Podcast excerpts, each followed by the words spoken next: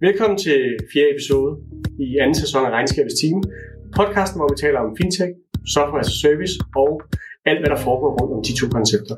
I dag har vi besøg af Thomas Wong fra Improsec her i vores studie. Velkommen til, Thomas. Tak skal du have. Jeg tænker, om du ikke lige indledningsvis kunne præsentere dig selv?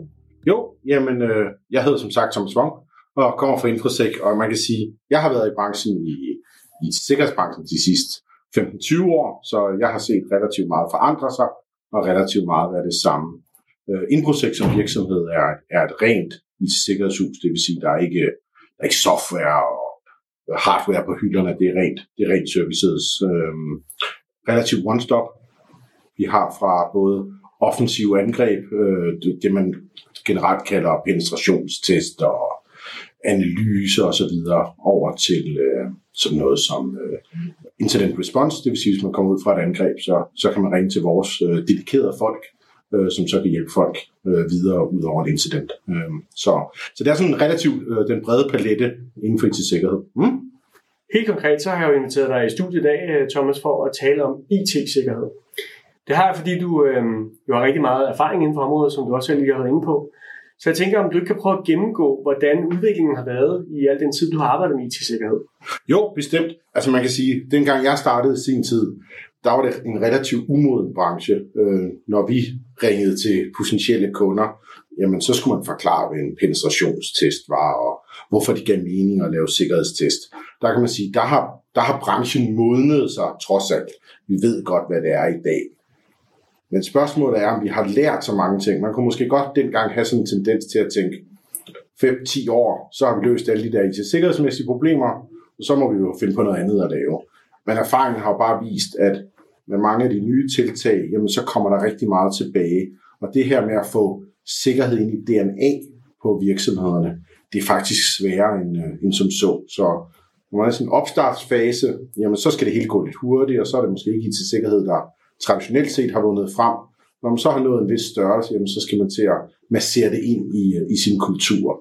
Og de kriminelle har jo så vist sig, at der er penge i det, så de, de skubber rigtig meget i den retning. Og der kan man sige, da jeg startede, der så vi måske meget sådan hackerisme, øh, politiske budskaber på hjemmesider osv. Og i dag, jamen der ser vi det som en meget mere sådan, du ved, rent øh, almindelig kriminalitet, om man vil, hvor der, man går efter pengene, eller en statsfinansieret øh, sabotage, hvis man ønsker at skade nogen, man ikke er gode venner med.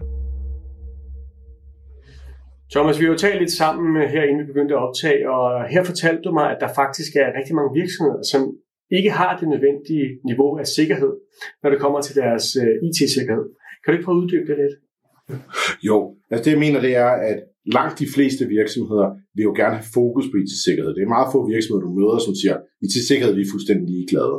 Men når det kommer til at indoperere det i virksomheden, altså få masseret det ind i kulturen, så viser det sig bare at være sværere. Nogle af de her sådan grundting med at få lavet en risikovurdering, og måske få lavet en business continuity plan og sige, hvad skal vi gøre, når noget går galt osv. Men de der ting, dem har man simpelthen ikke, øh, dem har ikke dedikeret tid til. Og det går jo rigtig godt, indtil det går skidt. Og den dag det så går skidt, jamen så er den snibbold, du har skubbet foran, den er bare blevet så meget større. Så i virkeligheden så burde man gøre de her tiltag lige så meget for sin egen skyld, fordi den dag det går galt, fordi de fleste virksomheder bliver kompromitteret på et eller andet tidspunkt. Så er man lidt bedre rustet og lidt bedre beskyttet. Men øh, vi ser en positiv tendens, men, men der er desværre nok stadig en rejse for, for en del virksomheder. I dag er der jo rigtig mange virksomheder, som bruger cloud-løsninger, enten helt eller delvist.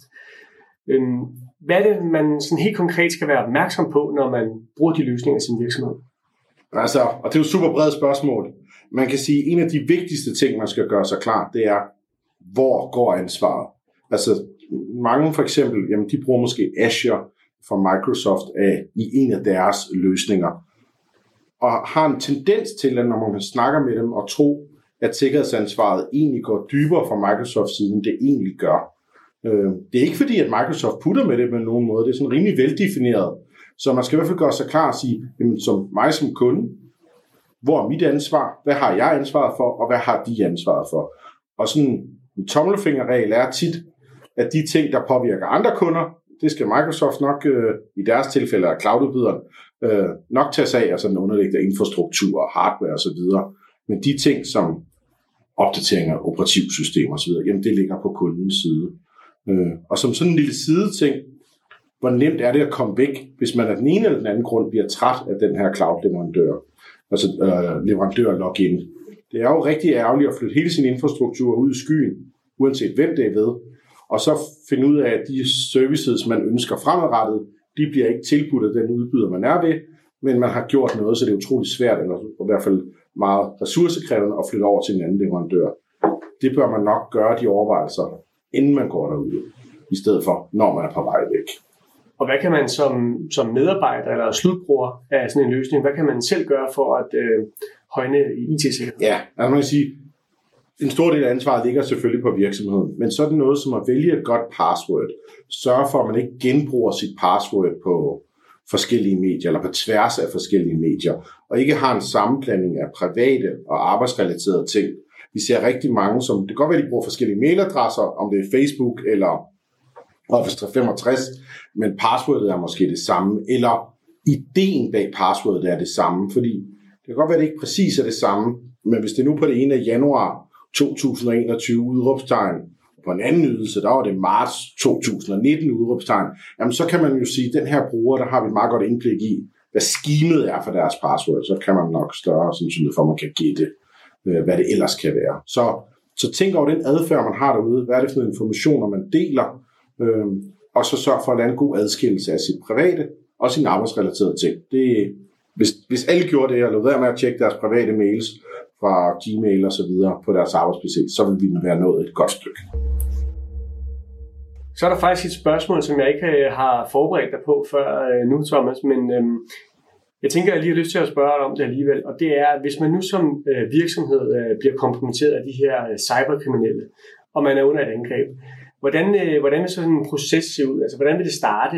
Hvordan bliver man opmærksom på det, og hvad, hvad gør man sådan i ja, timerne eller dagene efter? Ja, altså ofte vil man jo se en forstyrrelse, eller en, øh, altså en driftsmæssig forstyrrelse, øh, ting, der ikke virker, øh, filer, der ikke kan tilgås. Og i de filer er der ofte nogle dokumenter, hvor der ligesom siger, at I er blevet angrebet, eller I er blevet kompromitteret. De er faktisk meget høfligt formuleret ofte, og for at ligesom kan komme tilbage til noget, så skal vi bruge den og den her pose penge. Men man kan sige, hvad sker der så som virksomhed der? Der er selvfølgelig nogle kommunikationsmæssige øh, tiltag, man bør tage sig. Det må man snakke med sin kommunikationsafdeling om, hvad der er en god ting. Og put med tingene viser sig, at det, det er generelt ikke en god idé. Man kan lige så godt være åben omkring, hvad der sker. Men i virkeligheden, så bør man gøre, hvad gør man før, at vi er blevet angrebet? Man bør have lavet de her playbooks, eller øh, i hvert fald øh, øh, trænet, hvad man skal gøre i tilfælde af et angreb. Fordi hvis man kan sidde i fredstid og planlægge krigen, så opdager man de her uhensigtsmæssigheder.